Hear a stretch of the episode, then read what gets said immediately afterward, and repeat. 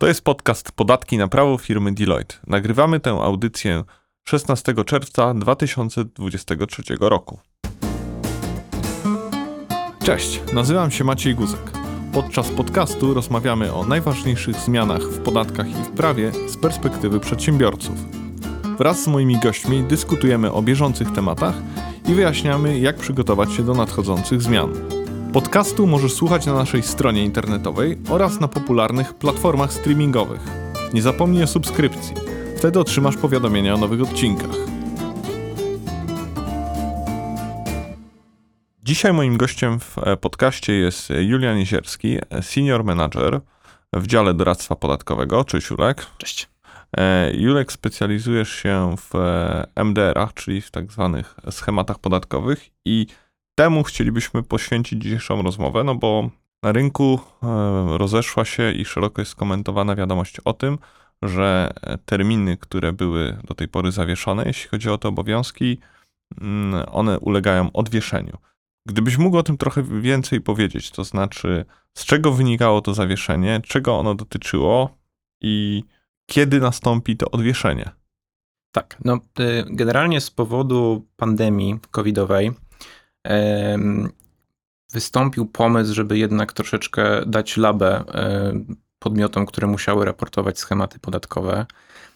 Czyli na fali tych e, licznych mm, e, ułatwień dla przedsiębiorców, ministerstwo stwierdziło, że również e, zrobimy ukłon w tę stronę i nie każemy im raportować schematów podatkowych.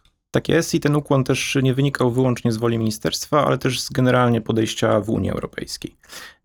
W związku z tym, ponieważ trzeba było połączyć dwa reżimy, czyli reżim odroczenia dla schematów krajowych e, i reżim dla schematów transgranicznych, no to te zawieszenia skończyły się w różnym czasie. Jeśli chodzi o schematy transgraniczne, to niestety, ponieważ e, polski ustawodawca nie miał tak dużo e, wolności w odraczaniu tego terminu, to te schematy już od dłuższego czasu trzeba raportować zgodnie z ustawowymi terminami, czyli tam co do zasady 30 dni.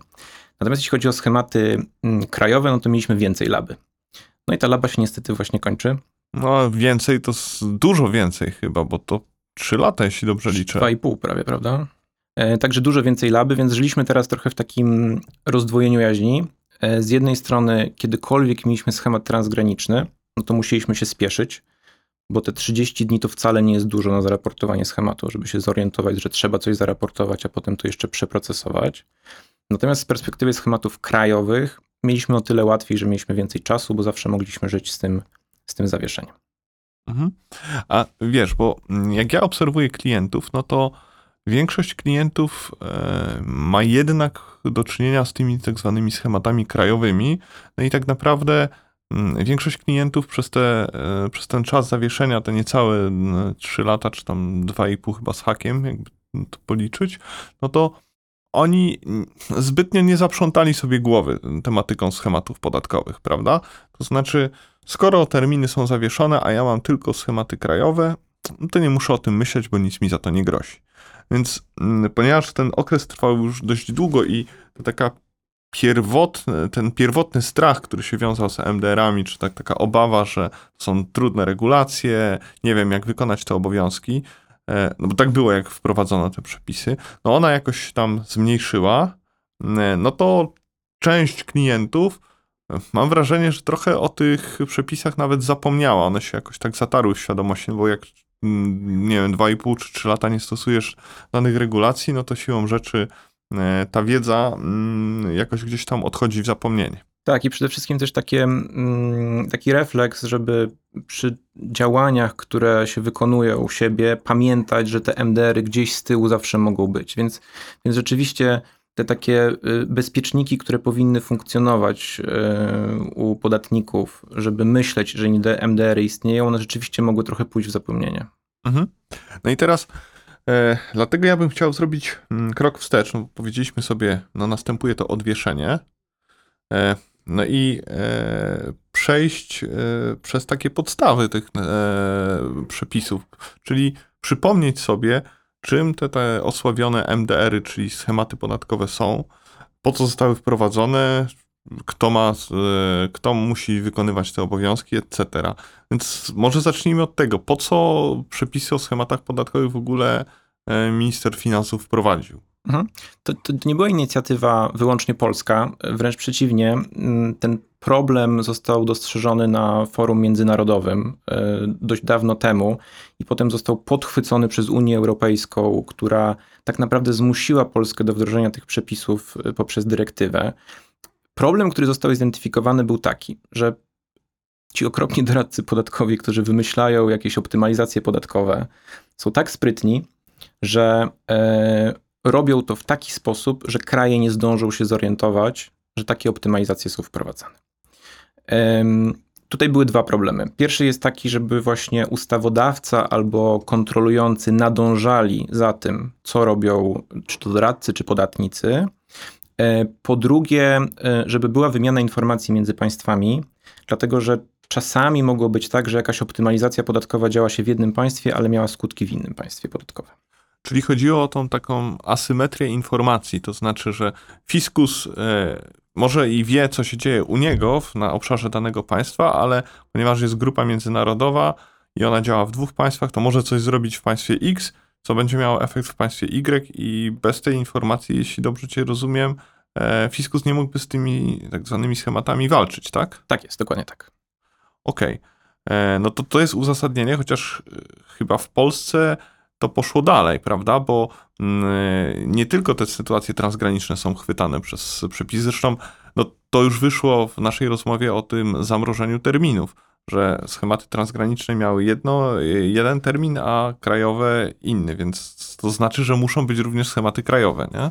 Zdecydowanie tak. Polski ustawodawca bardzo ucieszył się z tej dyrektywy, że musi ją implementować e, i skorzystał z okazji. Skorzystał z okazji, rozszerzając te przepisy bardzo mocno, e, tak naprawdę na wszystkich frontach, bo zaczęło się to od tego, że byliśmy pierwszym krajem z Unii Europejskiej, który tą dyrektywę e, wdrożył. Te przepisy zostały bardzo szybko uchwalone i weszły w życie, życie w Polsce. E, Po drugie, to o czym mówiłeś, czyli z perspektywy dyrektywy istotne było raportowanie schematów transgranicznych, takich, które mają jakiś element, y, w którym występują różne, różne państwa Unii Europejskiej. Natomiast polskie przepisy e, nastawiają się również, jeśli nawet nie bardziej, na te rzeczy, które się dzieją wewnątrz, wyłącznie w Polsce. I to są właśnie te schematy krajowe. Oczywiście ustawodawca nie zaprzestał e, na tym. Jest dużo takich rozbieżności pomiędzy tym, jak te przepisy są wdrożone w krajach Unii Europejskiej, a, a jak w Polsce, to choćby może być to na przykład, że cechy rozpoznawcze, czyli takie kryteria, które sprawiają, że pewne działanie musi zostać zaraportowane do szefa KAS, w Polsce one są istotnie rozbudowane względem tego, co mamy w dyrektywie, do tego stopnia, że mamy po prostu dodatkowe cechy rozpoznawcze, które gdybyśmy pokazali nawet ekspertowi od, od tej dyrektywy z zagranicy, to by się złapał za głowę i zobaczył, że w ogóle nie miał pojęcia, że tak może być. Mhm. Czyli jeśli e, dobrze rozumiem, to działa tak, że oprócz tego, co musimy robić zgodnie z tym, e, co mówi dyrektywa i co nam nakazuje ustawodawca unijny, musimy robić dodatkowe rzeczy, które mm, e, wynikają z woli już polskiego ustawodawcy. Tak jest i to mm, też sprowadza się do tego, że musimy raportować po prostu więcej sytuacji, ale to również dotyczy takich obowiązków, nazwijmy to compliance'owych. Na przykład polskie przepisy o schematach podatkowych, o MDR-ach przewidują dla pewnych podmiotów obowiązek wprowadzenia e, wewnętrznej procedury MDR-owej. To zróbmy jeszcze jeden krok wstecz. Zacznijmy od podstaw. Powiedzmy sobie, co to tak naprawdę e, jest ten schemat podatkowy, bo ty właśnie powiedziałeś coś, co e, zwróciło moją uwagę i wydaje mi się, że to dobrze tłumaczy, e, co, czym jest schemat podatkowy. Mówiłeś, musimy zgłaszać więcej sytuacji. Czy właśnie ten schemat to jest jakiegoś rodzaju sytuacja, czy co, co to jest? Tak, właśnie dla, dlatego specjalnie używamy słowa sytuacja e, i mówimy o tym na przykład, że to nie jest e, transakcja, to nie jest umowa, tylko mówimy o sytuacji. Dlatego, że generalnie raportowaniu e, podlegają tak zwane uzgodnienia, a uzgodnienia to są z definicji czynności lub powiązane ze sobą czynności. Teraz co to są te czynności? Ta czynność to może być rzeczywiście transakcja, to może być zawarcie umowy, ale stety albo niestety taką czynnością, którą musimy zaraportować, może być również decyzja podjęta wewnętrznie, e, która nawet może nie mieć jakiegoś formalnego śladu, e, ale ona, ponieważ ma swoje konsekwencje podatkowe, to może spełnić jedną z tych 24 cech rozpoznawczych, Cech rozpoznawczych, czyli okoliczności, które muszą tej sytuacji towarzyszyć, tak? Dobrze to rozumiem. Tak jest. W ramach, y, w ramach przepisów MDR-owych mamy takie trzy grupy cech rozpoznawczych. Mamy ogólne cechy rozpoznawcze, szczególne cechy rozpoznawcze i tu definicja inne szczególne cechy rozpoznawcze. Jeśli ta czynność, którą wykonujemy, ta transakcja, umowa, czy nawet decyzja spełnia warunki, które widzimy w jednej z tych cech rozpoznawczych, no to wtedy może wystąpić obowiązek zaraportowania tej czynności jako schematu podatkowego do szefa kasy. Mhm. Czyli mm, jeśli ja dobrze rozumiem, wygląda to w ten sposób, że mam określoną sytuację, biorę sobie ustawę, ordynację podatkową, tam jest ten katalog tych y, dodatkowych okoliczności, które muszę sprawdzić. Jeśli ta sytuacja się cechuje chociażby jedną z tych okoliczności, no to muszę wykonać obowiązek mm, informacyjny, tak? Czyli e, muszę do tego szefa mm, KAS dokonać odpowiednie zgłoszenie. No dobrze, ale to w takim razie mi się nasuwa kolejne pytanie w związku z tym, no bo ja bardzo często słyszę, jak rozmawiam z klientami o schematach podatkowych, taki, taką odpowiedź, no, ale my tak naprawdę tutaj nie robimy nic, co by nam przyniosło korzyść podatkową. Czemu ja mam to zgłaszać? Przecież ja mm, nie zmniejszam sobie podatków, nie redukuję podatków, więc o co chodzi? E, No i czy to jest dobra intuicja? To znaczy, czy rzeczywiście musi być ta korzyść podatkowa, żebym ja musiał mm, wykonać te obowiązki sprawozdawcze, czyli żebym musiał poinformować e, szefa kas o tym, że coś zrobiłem albo że planuję coś zrobić? To jest bardzo częsta intuicja, którą mają na- nasi klienci.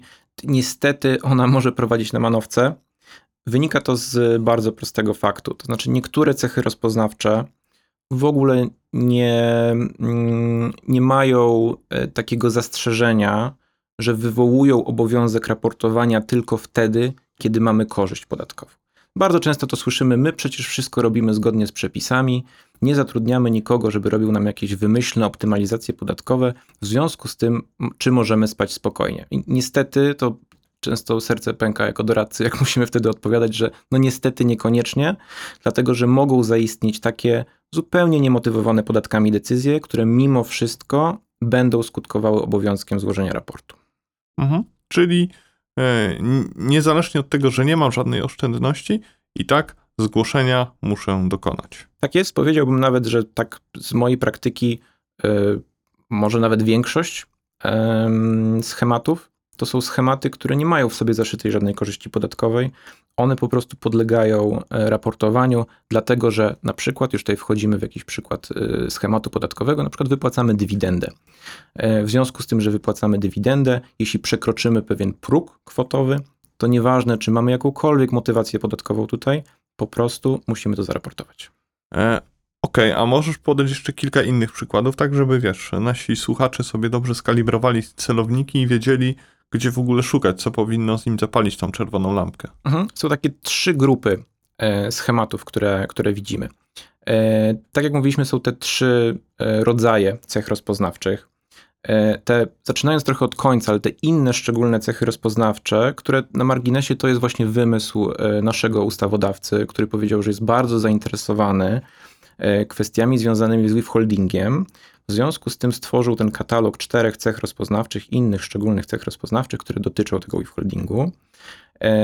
I schematy, które najczęściej są raportowane pod tymi, pod tymi cechami, to jest właśnie ta wypłata dywidendy, to jest wypłata odsetek, e, to jest też e, sprzedaż e, spółki posiadającej e, nieruchomość e, w Polsce. No dobrze, ale rozumiem, że to chyba nie o każdą dywidendę chodzi, bo wiesz, każda spółka w Polsce, która ma zysk, w- prędzej czy później wypłaci jakąś dywidendę, no to chyba nie znaczy, że każda spółka musi dokonać zgłoszenia, bo ma schemat podatkowy. Na całe szczęście to nie dotyczy każdej dywidendy.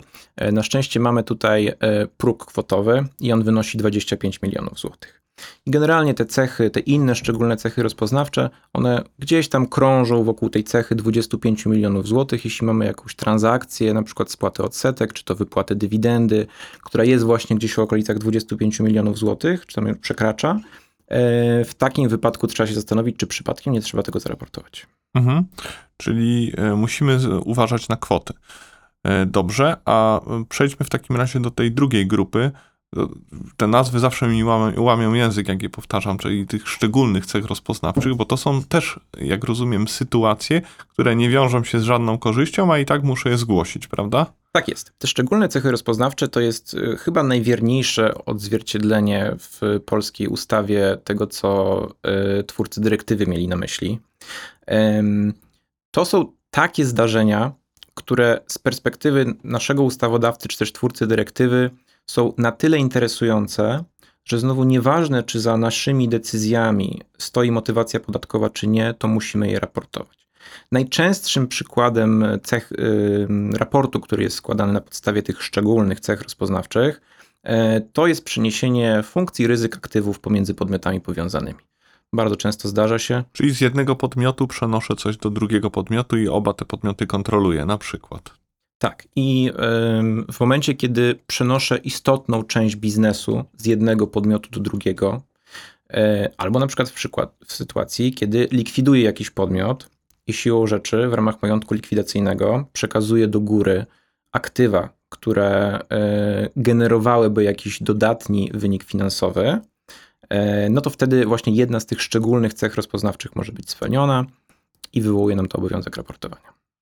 Jasne, to wiemy już na co uważać, jeśli chodzi o sytuacje, w których nie mamy korzyści podatkowej, ale e, jest też grupa tych okoliczności, które muszą się z korzyścią łączyć, tak? No bo to znowu też nie jest tak, że mm, ten polski i unijny ustawodawca całkowicie abstrahują od tych korzyści podatkowych. No jednak taki był, jak sam powiedziałeś, sens wprowadzenia tych przepisów, po to, żeby w cudzysłowie złapać tych, którzy optymalizują swoje podatki, no czyli domyślnie tam ta korzyść, przynajmniej w niektórych tych przypadkach, musi być zaszyta, no to pogadajmy chwilę o tym, kiedy powiedzmy mam korzyść podatkową i muszę dokonać zgłoszenia. Mhm. Tak, to, to jest właśnie ta, ta pierwsza, nazwijmy to, kategoria tych cech rozpoznawczych nazwane ogólnymi. Tutaj zasada jakby spojrzenia z perspektywy tego, czy mamy jakiś obowiązek, czy nie, jest dość prosta. Ona niestety jest dość prosta i wynika z tego, że dwie z tych cech rozpoznawczych, z tych ogólnych cech rozpoznawczych, je jest bardzo łatwo spełnić. Znaczy dużo katalogów czynności, które wykonujemy, gdzieś złapią się w, jeden z, w jedną z cech rozpoznawczych, które nazywamy ogólnymi.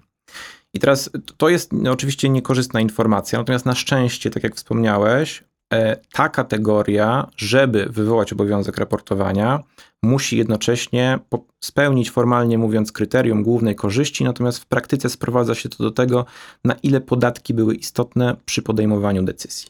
I teraz katalog tych decyzji, które możemy e, podejmować i motywować się podatkami jest nieograniczony tak naprawdę.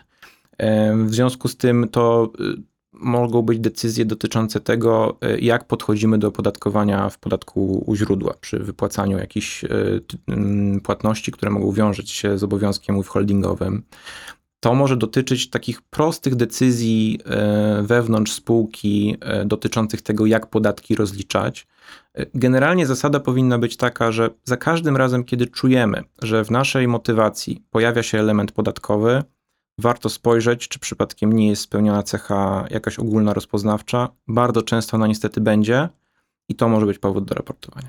Przychodzi mi do głowy taka sytuacja, e, no bo wiadomo, oprócz przepisów o schematach podatkowych, polski ustawodawca był ostatnio bardzo aktywny, no i zmieniły się jakiś czas temu również przepisy o podatku źródła, o których też wspomniałeś.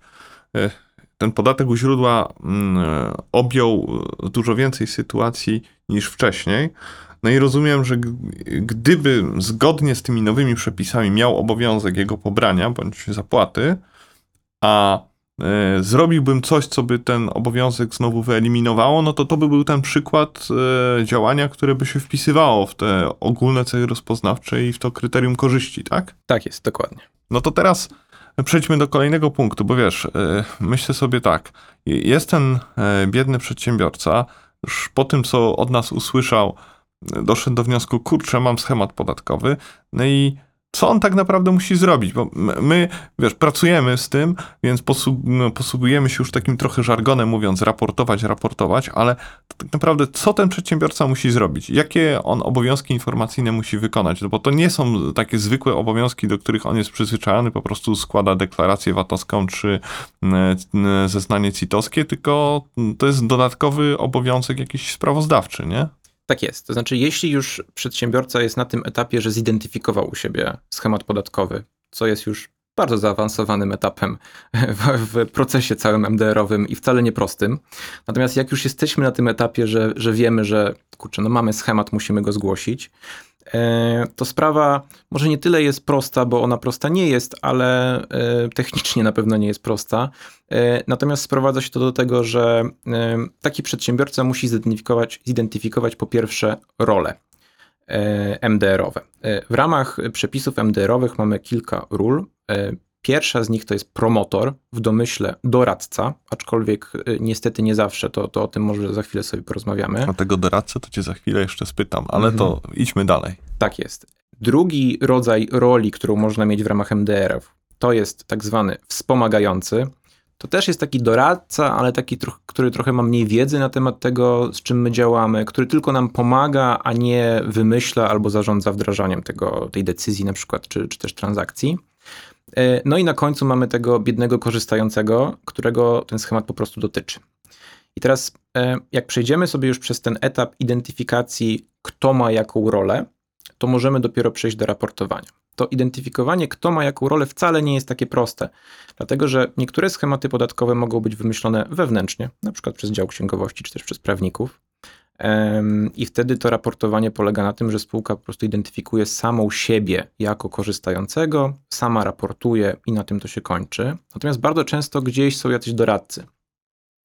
Ci doradcy mogą wejść w rolę promotora, i wtedy e, to potencjalnie może oni powinni w pierwszej kolejności zaraportować.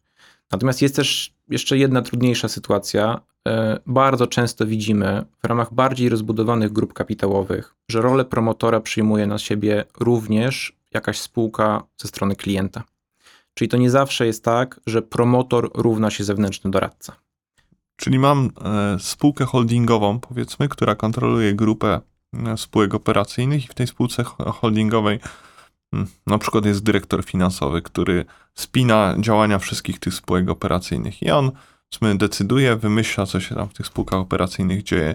Rozumiem, że wtedy e, ta spółka operacyjna bądź ten dyrektor finansowy, który tam jest zatrudniony, on byłby tym promotorem, czyli Tak jest. Ta sytuacja może również wystąpić wtedy, kiedy mamy kilka spółek i na przykład jedna z nich ma bardziej rozbudowany dział księgowości, który po prostu obsługuje pozostałe spółki siostry. Wtedy niezależnie czy to spółka holdingowa, czy to tam jest ten e, CFO, czy właśnie on jest może na poziomie jakiejś jednej ze spółek sióstr, jednej z operacyjnych spółek, e, może wystąpić ta sytuacja, gdzie spółka, która po prostu jest zwykłym podatnikiem, prowadzi działalność operacyjną, jednak wchodzi w rolę promotora, co będzie się wiązało z jednej strony z tym, że to może ona w pierwszej kolejności będzie musiała złożyć raport, no ale też e, może się to niestety wiązać z tym obowiązkiem, o którym sobie wspomnieliśmy trochę wcześniej, to jest posiadanie, obowiązkowe posiadanie procedury MDR-owej. Mhm. Jasne. E, mamy te trzy role, o których powiedziałeś. No i to teraz sobie powiedzmy, jak ten proces zgłaszania, dostarczania informacji do organów podatkowych przebiega.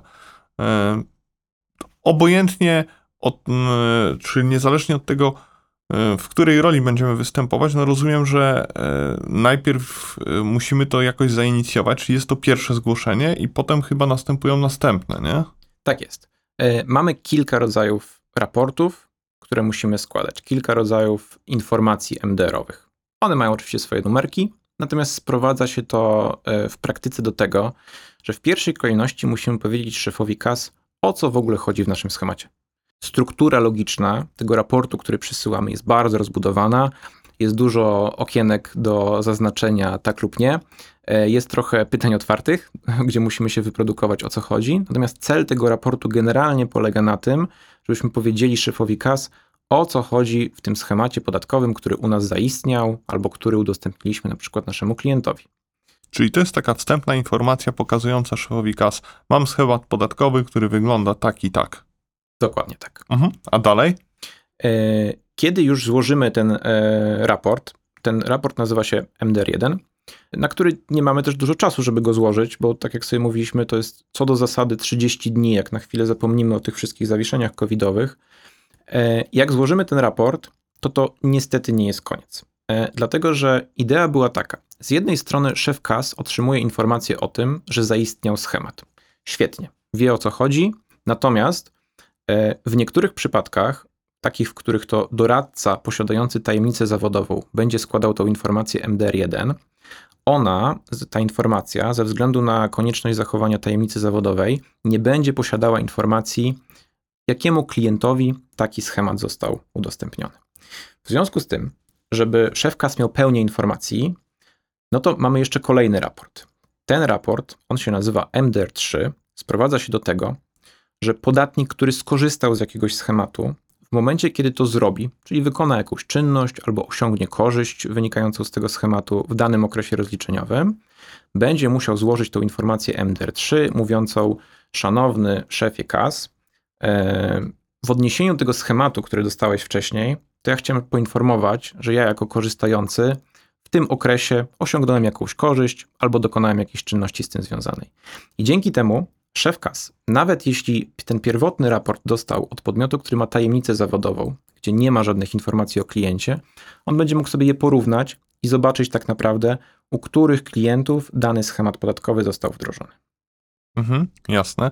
No i to ja nawiążę do tej tajemnicy zawodowej, bo mm, klienci czy e, przedsiębiorcy mogą mieć taką naturalną obawę, tudzież wątpliwość wiesz, idziesz do doradcy, czy idziesz do swojego adwokata, czy radcy prawnego, wszystkie te zawody są mm, objęte mm, wręcz obowiązkiem zachowania tajemnicy. To nie jest też tylko prawo, a, czy przywilej radcy, doradcy, adwokata, ale obowiązek. Trochę tak jak z księdzem. Nie możesz powiedzieć mm, o tym, czego dowiedziałeś się od klienta, no bo on działa w zaufaniu do ciebie. Tutaj wszystkie te zawody muszą się wyspowiadać szefowi KAS. Jak to można pogodzić w ogóle? Pomysł na pogodzenie z jednej strony tajemnicy zawodowej, a z drugiej strony e, chęci usłyszenia od doradców, co oni takiego fantastycznego wymyślili, był następujący. Znaczy, mówimy, że niezależnie od tego, czy ktoś ma tajemnicę zawodową, czy nie, czy jest tym e, radcą, adwokatem, czy doradcą podatkowym, raport MDR-owy w założeniu e, musi być jakiś złożony. I teraz, jeśli będzie taka sytuacja, że ten raport musi być złożony przez kogoś, przez jakiś podmiot czy osobę fizyczną, która ma obowiązek zachowania tajemnicy zawodowej, no to wymyślono, że w takich wypadkach w tym raporcie nie będzie śladu, kto jest klientem tego doradcy. Nie będzie tam po prostu danych osobowych ani danych yy, spółki. Ale jeśli danych nie będzie, jeśli rozumiem, ale jeśli ja się dowiem jako doradca o pewnych okolicznościach związanych z tym no, z tą czynnością, z tym tak zwanym schematem podatkowym, no to to muszę opisać, nie? No bo się pokazuje opis schematu w zgłoszeniu. Czyli jednak jakieś informacje, których się dowiedziałem wykonując obowiązki służbowe, no, no jakieś informacje ujawniam. Tak jest i to jest też największe wyzwanie samego raportowania po stronie doradców, żeby w taki sposób wypełnić obowiązki MDR-owe, żeby one zostały określone jako faktycznie wypełnione, to znaczy, żeby ten opis schematu był pełny, wyczerpujący, taki, żeby z drugiej strony osoby po stronie ministerstwa były w stanie zrozumieć, o co chodzi w tym schemacie, ale z drugiej strony, żeby w żaden sposób nie pokazać, kogo ten schemat dotyczy. To kończąc już tą część rozmowy, kiedy sobie przypominamy, o co, chodzi w schematach podatkowych, mam jeszcze dwa ostatnie pytania. Pierwsze pytanie y, jest takie, czy ja robiąc schemat podatkowy robię rzeczywiście coś złego i czy, czy, czegoś muszę się obawiać, bo to jest kolejna obawa, którą ja wychwytuję podczas rozmów e, z podatnikami, że kurczę, czemu ja mam coś zgłaszać, a może mi coś zrobią? Czy to znaczy, że ja coś, coś złego zrobiłem, skoro muszę tę informację mm, przekazać urzędowi skarbowemu, czy w zasadzie szefowi KAS? Mm, no i to chyba tak nie jest, nie? Że, to znaczy, fakt, że mam schemat podatkowy nie oznacza, że e, robię coś złego. Tak jest i to było coś, co było bardzo mocno podkreślane też przez, e, przez organy. E, nie, nie tylko w jakichś bardziej formalnych dokumentach, ale również w takich wypowiedziach medialnych, że tak naprawdę raportowanie schematu podatkowego nie oznacza przyznania się do winy, że zrobiło się coś źle i że za chwilę przyjdzie kontrola, która powie, że e, musimy zapłacić więcej podatku wręcz przeciwnie, bardzo często było podkreślane, że schemat podatkowy to jest po prostu taka czynność, która spełnia pewne warunki, czyli te cechy rozpoznawcze, o której my jako organy podatkowe chcemy wiedzieć. I to jest trochę tyle. Znaczy też nie, można udawać, że z drugiej strony przesłanie informacji y, zostanie zignorowane przez organy skarbowe, bo z drugiej strony no to o to właśnie chodzi, że oni zbierają informacje, żeby wiedzieć, co się dzieje. Natomiast zdecydowanie bardzo wiele raportów, a tak jak mówię, wydaje mi się, że, że większość w ogóle nie posiada w sobie żadnej korzyści podatkowej, w związku z tym nie powinno to automatycznie oznaczać, że y, kontrola, która może nastąpić po takim raportowaniu MDR-owym, będzie wiązała się z negatywnymi konsekwencjami. Okay, czyli przedsiębiorcy y, nie muszą się bać raportowania, natomiast jeśli mnie pamięć nie myli, muszą się raczej bać nieraportowania, bo tutaj ustawodawca mocno pogroził palcem, prawda? Tak jest. Bardzo mam wrażenie, organy były dumne z tego, jak wysokie kary można zasądzić za niedopełnienie obowiązków MDR-owych. Teraz za chwilę myślę, że to, to będzie już 35 milionów złotych kary KKS-owej, która może się wiązać za to, że nie raportujemy albo raportujemy w zwłoce. Ale uczciwie powiedzmy też, że nie widzieliśmy jeszcze w naszej praktyce nałożenia tak wysokiej kary za niewywiązywanie się z obowiązków MDR-owych. Absolutnie nigdy i trzymamy kciuki, że, że takie kary nigdy się nie pojawią. Co więcej, tak naprawdę ściganie za niewypełnienie obowiązków MDR-owych, ono zaczęło się dość niedawno. Znaczy, my dopiero teraz tak naprawdę widzimy, że niektórzy są na przykład wzywani na przesłuchania w związku z tym, że jakiś raport wpłynął z opóźnieniem, e, no właśnie pod groźbą KKS-u, żeby zasądzić jakąś karę. No i najczęściej mm, sytuacja ta jest rozwiązana w ten sposób, że zanim taki raport spóźniony poszedł do szefa KAS, no to złożony został czynny żal, co też e, przy prawidłowym e, wykonaniu tej procedury E, pozwala na uniknięcie jakichkolwiek kar. W związku z tym, akurat te historie, o które ja słyszę, to, to są happy endy, bo kończy się tylko na, na wezwaniu na, na konkretny dzień, natomiast to wezwanie jest bardzo szybko odwoływane w momencie, kiedy skan czynnego żalu trafia do tego urzędnika, który, który nas wzywa. Natomiast, no właśnie, jakby w nawiązaniu do tych wysokich kar, to niestety jest tak, że my dopiero teraz zaczynamy widzieć ten ruch. E, więc e, chyba obydwaj no, nie spodziewamy się kar idących w miliony za MDR-y, szczególnie biorąc pod uwagę, jak bardzo skomplikowane i niejasne są te przepisy. E, natomiast też z drugiej strony pełnej wiedzy nie mamy, jak to będzie wyglądało. Tak, no po coś te przepisy o karach jednak są, no i one nie mogą być całkowicie martwe, bo wtedy nie pełniłyby tej swojej roli, czyli tej nie wywierałyby dodatkowej presji na przedsiębiorców, e, aby te obowiązki faktycznie e, realizować. E, dobra, wróćmy trochę do tego odwieszenia, czyli do tego, od czego zaczęliśmy naszą rozmowę, bo mam tutaj też kilka pytań. Pierwsza rzecz jest taka, kiedy to ma nastąpić. I druga, która się nasuwa za, jako konsekwencja, no to jeśli już nastąpi, no to kiedy ja będę musiał wykonać te swoje obowiązki związane z tym okresem, gdzie terminy były zawieszone. Mhm. Pierwsza rzecz, którą warto podkreślić, to jest taka, że teraz rozmawiamy o schematach krajowych.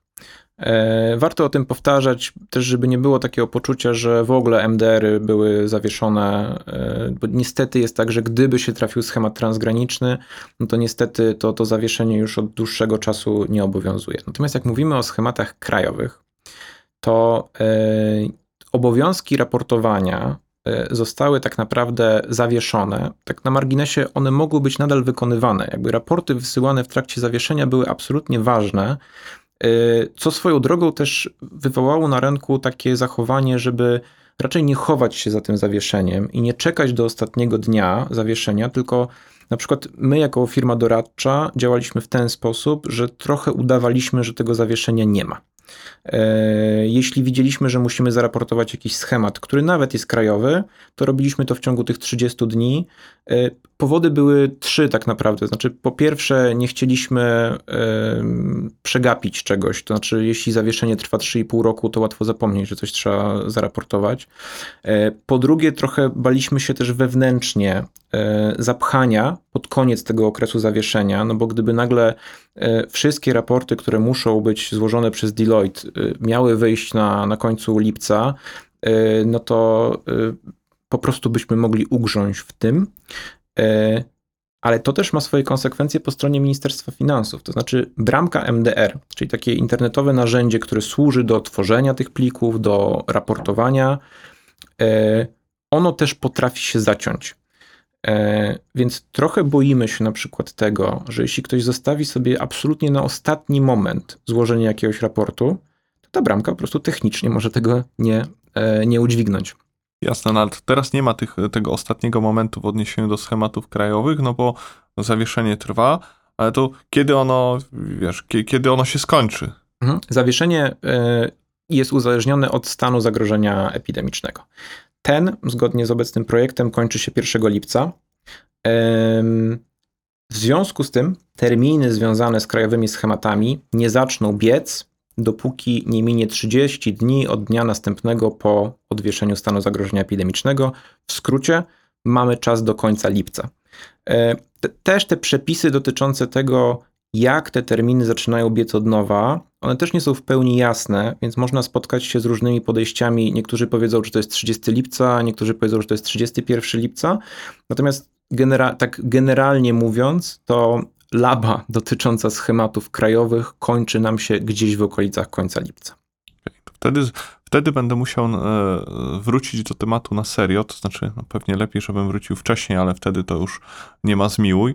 E, no to z, z twojej perspektywy kilka takich najważniejszych rad dla mm, przedsiębiorców, dla podatników, jak oni się mają do tego przygotować? Co mają teraz zrobić? No jeszcze jest trochę czasu, może nie jakoś super dużo, no ale jednak koniec lipca, no to jeszcze jest 6 tygodni.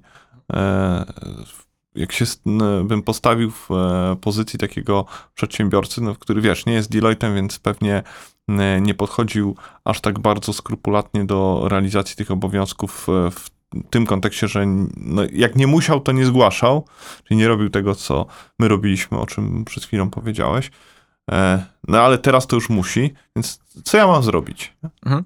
Pierwsza rada jest taka, żeby nie zwlekać. To znaczy, e, zostawienie sobie projektu MDR-owego na ostatnie dwa tygodnie przed zakończeniem deadline'u e, tak naprawdę sprawi, że pewnie się nie wyrobimy. Więc najważniejsza rzecz to jest nie zwlekać i teraz z czym nie zwlekać? Nie zwlekać z przeprowadzeniem analizy u siebie, jakie czynności, które wykonywałem, tak naprawdę to od połowy 2018 roku w sumie powinniśmy spojrzeć, które mogą być schematem podatkowym. Jeśli ten temat w ogóle nie był poruszany do tej pory, e, to warto przyjrzeć się, no właśnie od początku obowiązywania tych przepisów, czy nie ma przypadkiem czegoś, co musimy zaraportować. I teraz są dwa scenariusze, to znaczy albo zidentyfikujemy coś, co musimy zaraportować, co dlaczego obowiązek wystąpił między marcem 2020, czyli wtedy, kiedy to zawieszenie zaczęło obowiązywać w związku z COVID-em, a dniem dzisiejszym, czy tam powiedzmy sobie końcem lipca.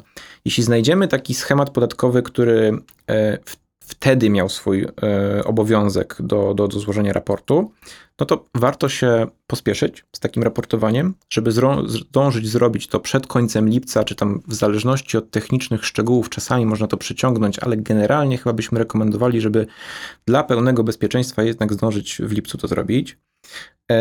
Zgłaszamy taki schemat i będzie to po prostu prostsze, mamy temat zaadresowany. E, może się też zdarzyć, że w trakcie tego badania, czy u nas nie wystąpiły przypadkiem schematy, okaże się, że znajdziemy albo schematy jeszcze z roku 2019, albo schematy transgraniczne, dla których zawieszenie już nie obowiązuje, no ale to jeszcze nie jest koniec świata, dlatego że takie raportowania też należy wykonywać.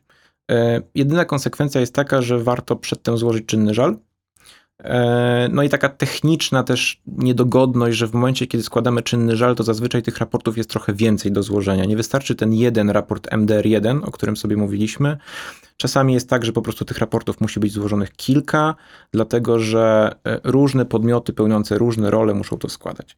W związku z tym, nawet jeśli znajdziemy coś, co nie mieści jeszcze nam się, czy nie mieści już nam się w zawieszeniu covidowym, to nie jest koniec świata i tak jak, tak jak sobie rozmawialiśmy, mamy success story, w których e, takie raportowania opóźnione szły do szefa kas, e, natomiast przez to, że zostały prawidłowo złożone czynne żale, to tak naprawdę skończyło się to bez negatywnych konsekwencji. Wielkie dzięki za tą pigułkę informacji, tą taką kwintesencję wiedzy o, o schematach podatkowych.